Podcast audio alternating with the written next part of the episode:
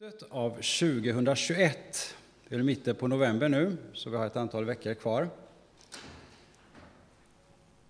Och eh, ja, det var ju runt 2000 år sedan Jesus vandrade här på jorden som människa. Och som mänsklighet så skulle man kunna säga, tycker jag i alla fall, att vi befinner oss i både en väldigt spännande tid, men också Ehm, en utmanande tid. Eh, på spänningssidan, eller på möjligheternas sida, så skulle man kunna säga att ehm, och fråga sig om mänskligheten någonsin har haft en så samlad kunskapsbank som vi har idag. Genom forskning, teknik och globala nätverk. Och det finns också oerhört många goda krafter i vår värld. Läser man nyheterna så kan man ju mest skrämmas av saker, men vi ska inte glömma att det finns väldigt många positiva saker som sker. Ehm, många goda krafter som verkar för mänsklighetens bästa. Vardagshjältar i både hem, skolor, arbetsplatser och i regeringar. Samtidigt finns det enorma utmaningar som vi står i. De senaste veckorna har vi pratat mycket kring miljön naturligtvis, ehm, med de rådslag som sker i, ehm, med ledare som samlas. Fattigdom, ehm, moralisk desillusion och förvirring, kamp kring andlighet, ideologi och också kanske en vilsenhet. Vad är meningen med våra liv? Och den pandemi som hela jorden har gått igenom och fortfarande är i en fas av har också påmint oss om frågor kring hälsa, hur vi ska leva som individer, som familjer och som samhällen på olika sätt. Och som global kyrka så närmar vi oss också slutet på det vi kallar för kyrkoåret. Nästa söndag så är ju det sista söndagen i kyrkoåret, eh, domsöndagen. Och hela perioden som har varit nu från pingst, innan sommaren, tills nu eh, kallas ju för trefaldighetstiden. Är det någon som vet vad själva syftet med denna tiden är? Om man läser på svenskakyrkan.se till exempel, det finns eh, mycket intressant kring kyrkårets texter, så skriver de så här att eh, trefaldighetstiden betonar att lära känna Gud och växa som människa. Det är tanken med alla texter som vi läser och ber och predikar och undervisar kring under den här tiden. Men det är också hur Guds rike går fram. Och hur vi människor kan få bidra på olika sätt till en bättre värld. Och när vi nu närmar oss slutet av kyrkoåret så påminns vi eh, utifrån de sista söndagarna här, eh, fram till domsöndagen, om evighetshoppet. Det var förra söndagen. Idag handlar det om vaka och väntan inför Kristi återkomst. Och domsöndagen handlar ju ännu mer specifikt om, om Jesu återkomst till jorden, när han vill upprätta det fallna och skapa en ny värld utan ondska och miljöförstöring med mera. Så mitt i den här så att säga, allmänmänskligt globala och kyrkliga eh, tid som vi befinner oss nu så finns det anledning att stanna upp lite extra. Ungefär som att vi går mot nyårsafton, fast i kyrkans år. Och lyssna till Guds vägledning tillsammans på ett särskilt sätt. Och jag skulle vilja göra det utifrån en fråga ehm, som jag tror dyker upp på sidan. Hur önskar Gud att vi vandrar som församling i en tid som denna? Eh, den frågan har jag också personligen burit på ända sedan augusti på ett särskilt sätt när vi träffades för församlingsdag på Sjöbonäs. på väg mot Borås. Eh, Tobias lyfte upp frågan när vi kunde samlas igen efter sommaren och restriktioner, när vi inte kunde samlas på samma sätt som nu, och frågade vad eh, vill Gud göra i vår tid? Och den frågan har jag burit med mig här i höst. Och vi hade uppe den för några veckor sedan på församlingsmötet också, några var med där. Ehm, och då så eh, läste vi bland annat den text vi kommer att göra nu. Så det blir lite grann repetition för, för er som var med där. Och för er som inte var, med så kanske ni har hört liknande tankar här, men det är inte bara skolans värld, tänker jag, som vi behöver repetition. Kanske vi även behöver det i kyrkan. Så temat för predikan, med den här frågan i bakgrunden, är eh, På väg med de första kristna. Eller På vägen med de första kristna. Hur önskar Gud att vi vandrar som församling i en tid som denna? För att ta oss an den här frågan tänkte jag att vi backar eh, till förra söndagen när Thomas predikade. Han talade om vägens folk, som Eva nämnde. Och eh, eh utifrån det begrepp som de kristna eh, kallades för 2000 år sedan. Och han tog upp, skulle man kunna säga, några vägmärken. Och ni ser den här för alla som vill följa vägen, som ju Jesus också kallar sig själv. Vägens folk kallas att förbli i Jesu ord, inse sanningen och också få med och leda till frihet i tron, men också i det sammanhang där man står. Och han återkopplar också de här orden till Ordspråksboken, som ju kan sammanfattas med lite snarlika ord. Att lyssna till Guds vishet och ord, att lyda och att lyckas. Inom stationstecken. Och de här orden kan skruvas, eh, bearbetas, diskuteras och eh, eh, levas på olika sätt. Ehm, men jag tänker att vi har med dem i bakhuvudet här i dagens predikan som en liten påminnelse.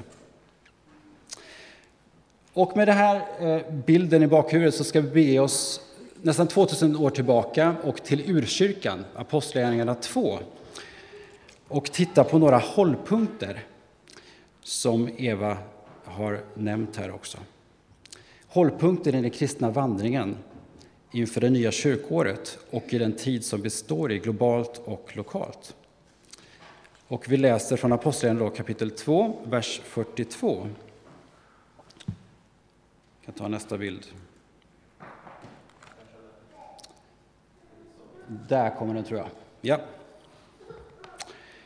Och där står det så här. De som tog till sig hans ord lät döpa sig och den dagen ökade de troendes antal med inemot 3000. Och de deltog troget i apostlarnas undervisning och den inbördes hjälpen, i brödbrytandet och bönerna. Alla människor bävade. Många under och tecken gjordes genom apostlarna. De troende fortsatte att samlas och hade allting gemensamt. De sålde allt vad de ägde och hade och delade ut åt alla efter vars och ens behov. De höll samman och möttes varje dag troget i templet och i hemmen, bröt de brödet och höll måltid med varandra i jublande, uppriktig glädje. De prisade Gud och var omtyckta av hela folket, och Herren lät var dag nya människor bli frälsta och förenade med dem.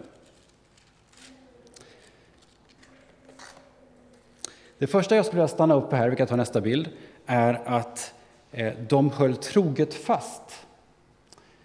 Vi kan klicka vidare, tror jag. där. De höll troget fast vid apostlarnas undervisning, eh, vid gemenskapen, vid brödsbrytelsen och bönerna. Och det här, eh, mina vänner, var ju inte något som lärjungarna gjorde i sin egen kraft, utan det var ju Guds kraft som gav dem den här inspirationen och vägledningen. Backar vi bandet lite grann så har lärjungarna varit totalt skrämda, rädda för romerska makten, rädda för judarna, låst in sig bakom lås och bom och sen fått möta faktiskt Jesus uppståndelse som uppstånden, fått vandra med honom igen i 40 dagar. Och han har undervisat honom, påmint dem om vad som är viktigt och sen så har Jesus farit upp till himlen igen. Och då säger han, gå och samlas igen i Jerusalem och be tills kraften kommer över er. Och sen så kan vi läsa i Apostlagärningarna innan detta om hur det sker. Eh, väldigt dramatiskt med eh, vindar som manifesteras eh, av Gud eh, på ett särskilt sätt och också eld som visas över lärjungarna så att de börjar tala andra språk Så människor som är samlade från världens olika hörn får höra evangeliet om Gud på sitt språk. Så en enorm manifestation av Guds kraft som låg bakom detta. Och sen så stiger Petrus, han som har förnekat Jesus flera gånger och var så att säga en loser, en förlorare i Guds ögon. Han stiger fram här och tar ledartröjan och predikar. Och det kommer faktiskt flera, från att vara ungefär 120 så blir de flera tusen troende på en och samma dag. Och efter det så står det här att de höll troget fast vid apostlarnas undervisning, vid bönerna, gemenskapen och vid, vid brödsbrytelsen. Det här var Guds verk, det var den heliga Ande som kommit över dem och som fyllde dem till att prioritera på det här sättet. De höll troget fast. På engelskan så står det att de överlät sig, devoted themselves, överlät sig. Och det här kan man då också sammanfatta, vi tar nästa bild, eh, med de fyra benen som ni hörde. Bönen, vi tar lite annan ordning här. Bönen, Bibeln, bröder och systragemenskapen eh, och bordet.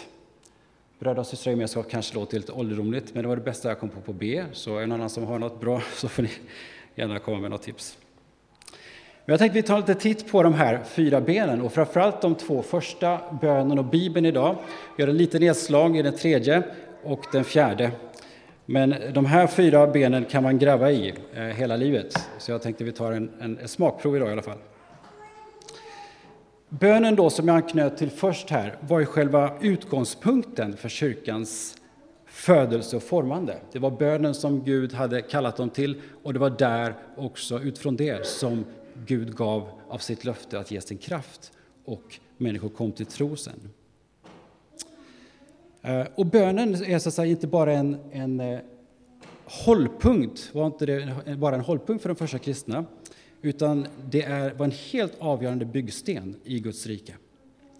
Och för att använda bilden av en stol då, så var det ett av de fyra benen. Jag vet inte vad du tänker på när du hör ordet bön. En del kanske eh, blir eh, entusiastiska, exalterade och tänker yes, bön. Andra kanske blir lite trötta med bön. Funderar, eh, bön ja. Andra kanske är mer konfunderade. Ja, bön, ja, det är säkert bra. Men det är kanske andra som ska kalla det till det mer än jag. Eller så kanske man i livet upplever lite blandning i sin inställning till bön. Att leva i ett sekulärt samhälle som Sverige bland annat, så kan ju bön vara någonting eh, konstigt rent utav. Mm. Men oavsett så skildras bönen här i urkyrkan som ett bärande ben och något som vi är kallade att ta emot och att få också praktisera. Eh, men för att stanna vid bilden av en stol så skulle jag vilja, nu sitter ju inte ni på stora med kyrkbänkar och de kanske inte har fyra ben, men ja, en del har fyra, andra har kanske tre. Men om du tänker dig, för att sitta på en stol så krävs ju minst fyra ben, eller en kyrkbänk minst ett par, tre, säg fyra. Och tänk när ni sitter här nu så, så är det ju benen som bär upp er. Och på samma sätt så tänker jag att bönen får vara en av de här benen i livet som bär upp oss i tron på Gud eh, och som församling. Utan, säg att vi tar bort bönen från församlingens eh, stol, så att säga, eller från trons stol, så vacklar eller, eller haltar bänken eller stolen.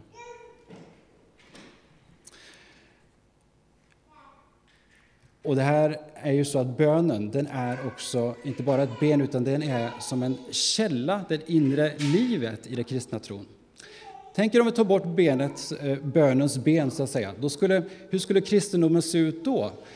Eh, det är lite tankeexperiment. Jag kan inte ge ett gott svar på det, men då skulle det bli, jag tror vi skulle sakna det inre andliga livet då. Då skulle eh, den kristna tron bli kanske en tankeverksamhet, eh, en, en ideologi eller någonting som vi så att säga lär ut och så vidare. Kanske också en kultur, att kyrkan blir en kulturbärare, men det inre livet som bönen kan ge skulle göra att kristna tron skulle halta. Och lärjungarna de höll som sagt ihop i ständig bön. Det var deras eh, sätt att eh, praktisera det de fått ta emot av Jesus. Och här vill jag uppmuntra er att läsa vidare Apostlagärningarna just utifrån med bönen som en slags glasögon också. Att se hur använder Gud bönen bland lärjungarna. Vad gjorde Gud eh, bland lärjungarna när de samlades i bön? Inte bara här i början, utan genom hela apostlagärningarna. Och mer än så, vad, gör, vad har Gud gjort i bönen genom historien? kan man läsa om olika ledare som har fått kallas till tron och kallas till livet. Vad har bönen fått betyda där? Och i ditt och mitt liv, vad har bönen betydit och vad kan den betyda? Så jag vill skicka med några frågor här eh, till oss eh, som en uppmuntran och utmaning. Vad vill Gud göra genom bönen i vår församling? På vår ort och i det sammanhang där vi står. Vi går vidare till den andra hållpunkten, det andra B. Nästa sida, Bibeln. Bibeln fanns ju inte på den här tiden, när apostlarna eh, skildrar, den tid som apostlarna skildrar här, kapitel 2. De hade ju Gamla testamentet, alltså judiska skrifterna, Torah och så vidare. Men ehm, de hade apostlarnas undervisning. På den här tiden ska man komma ihåg att de hade en eh, oerhörd memoreringsförmåga. Så att eh, man, man var inte så beroende, naturligtvis fanns inga datorer, eh, men man var inte heller så beroende av att anteckna, som kanske i alla fall jag är om jag hör någonting, annars så går det in där och ut där. Liksom. Utan man hade tränats upp att memorera. Och man lyssnade till Jesu undervisning, lärjungarna gjorde det, och de återberättade sen. Och ni vet, när man återberättar så befästs ju också kunskapen. Så lärjungarna vandrade med Jesus, de återberättade och sen, senare så antecknade de också stödord och sen skrevs ju evangelierna ner. Så när det står om apostlarnas undervisning i de här raderna så handlar det om det Jesus undervisade eh, lärjungarna under sina tre år här på jorden. Men också om de här 40 dagarna från det att han steg upp till himlen till Anden kom. Det var så att säga apostlarnas undervisning Naturligtvis också med de judiska skrifterna och läsningen i synagogorna som judarna fortsatte att eh, lyssna till. Så de levde i undervisningen för apostlarna regelbundet, dagligen, på olika sätt. Och mitt i detta, när de levde i eh, undervisningen från lärapostlarna, så befann sig kyrkan också i, inte bara i, i spännande skeden som eh, efter pingstdagen, utan också i oerhörda utmaningar.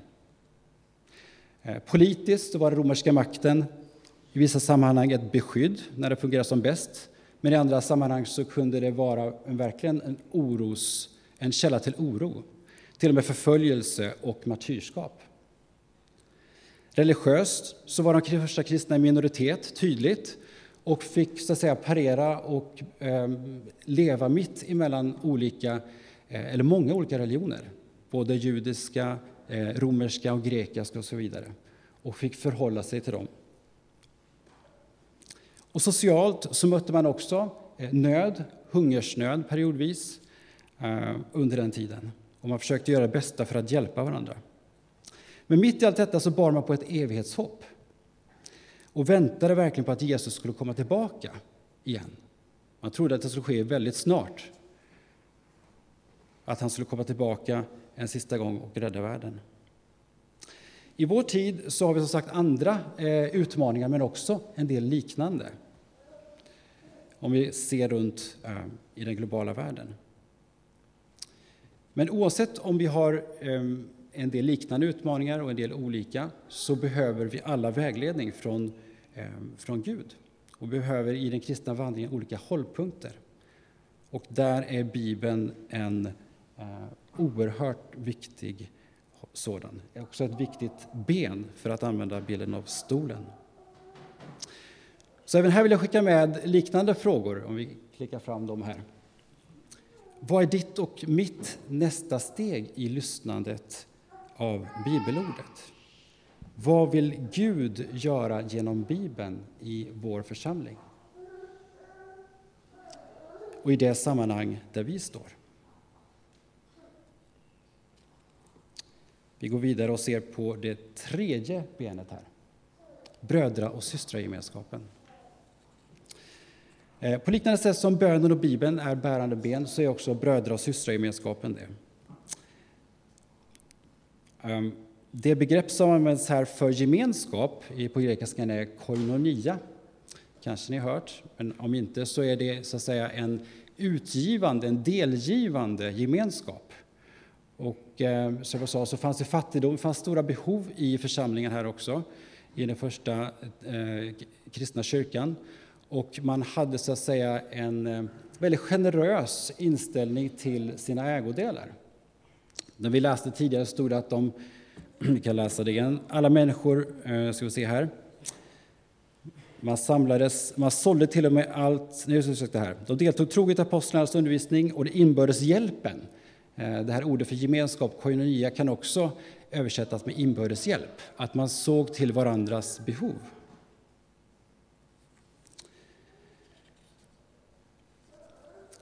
Och sen står det också att man sålde allting, stod det, eller sålde, rättare sagt här, eh, de trodde fortsätta samlas och hade allting gemensamt. De sålde allt vad de ägde och hade och delade ut åt alla efter vars och ens behov. En del har tolkat det här som att det är en slags manifest för kommunism. Men eh, det är det inte, för att de kristna sålde liksom inte allt eh, direkt, utan de hade ägodelar kvar. Och de, däremot så hade de en generös inställning till det de hade, som sagt. Och det var vad som präglade gemenskapen. Och här tänker jag också på, vår eh, på visionen i församlingen, att vi ska eh, att växa i kärlek till Gud, göra Jesus känd och möta andras behov. Det är en del av kallelsen i gemenskapen, att också möta varandras behov, så som Gud lägger på våra hjärtan.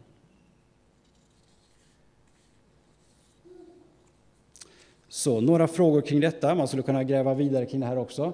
Men eh, jag pausar där och skickar med några frågor kring den här punkten också. Vad vill Gud göra genom gemenskapen i och runt våran församling? Eller mellan församlingar här där vi bor? Och i det sammanhang och det samhälle där vi står. Och så tar vi det fjärde bet här nu då. Bordet. Eh, det står brödsbrytandet i texten som vi läste. Ehm, och eh, här syftar det både på eh, gemenskapsmåltider, när man samlades i hemmen, men också på nattvarden. På den här tiden så gjorde man inte som vi gör när vi har nattvard, som vi hade förra söndagen, att man firade så att säga bara en gång i veckan till exempel, eller formaliserade nattvarden väldigt, utan det var väldigt integrerad i gemenskapen i hemmen. Eh, som en del av måltiden. Man åt måltider och sen efter så delade man välsignade bröd och vin och delade. Så det var en integrerad del i vardagslivet. Men jag vill ändå vad gäller, vad gäller eh, bilden av ett bord så vill jag ändå tänka på eh, både nattvarden, vikten av den, men också måltidsgemenskapen eh, i och kring kyrkan. För när vi tar emot nattvarden så påminns vi ju extra mycket om Jesu verk, om korset, om döden och uppståndelsen. Och det som är kärnan och centrum i tron. Vi påminns om Guds nåd till oss människor, om att Gud har blivit människa, visat vägen till Guds rike och att han burit mänsklighetens brister, synder och skulder för att vi ska få förlåtelse, frid och vänskap med Gud. Så frågan är, vad vill Gud göra vidare genom bordets gemenskap? Genom måltider som vi delar, genom nattvarden, inte minst, i vår tid.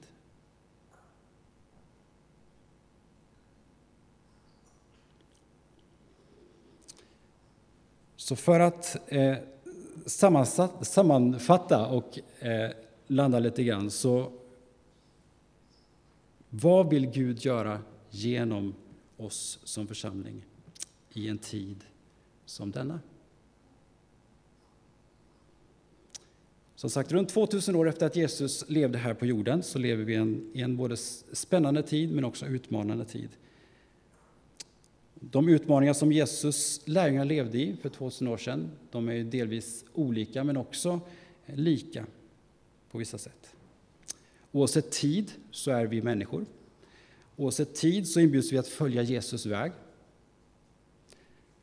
Oavsett tid så kallas vi att hålla fast vid de hållpunkter som Gud ger oss på vandringen. Bönen, bibelordet, brödra och systragemenskapen och bordsgemenskapen. Det finns fler ben också, om man kan gräva vidare i texten så, så finns det fler, men vi tar inte dem idag. Men oavsett tid, om det är nu eller för 2000 år sedan eller däremellan, så tänker jag att de här benen, fyra benen på stolen eller på kyrkbänken, får påminna oss om eh, de hållplatser eller de viloplatser som Gud vill ge oss, men också de inspirationsplatser som Gud ger. Det är någon som har, som har beskrivit just de här fyra benen som en kärnfull beskrivning av vad lärjungaskapet bygger på.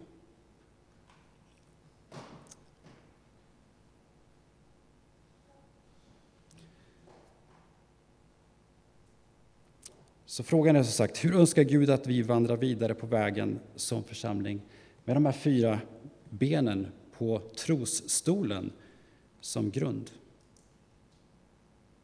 Vad kallar Gud dig och mig till idag på vägen i vår tid? Med evighetshoppet och Jesu ankomst som lysande stjärnor. Vi ber tillsammans.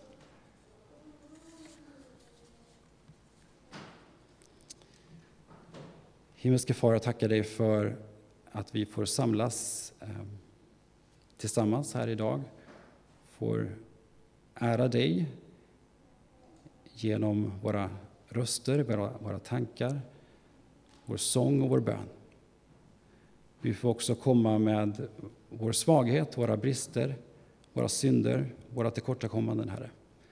Och tack för att du um, ger oss nåd på nåd, att du ger oss förlåtelse när vi brister i vandringen, när vi ehm, kanske känner oss vilsna på vandringen, när vi tappar fokus på vandringen med dig.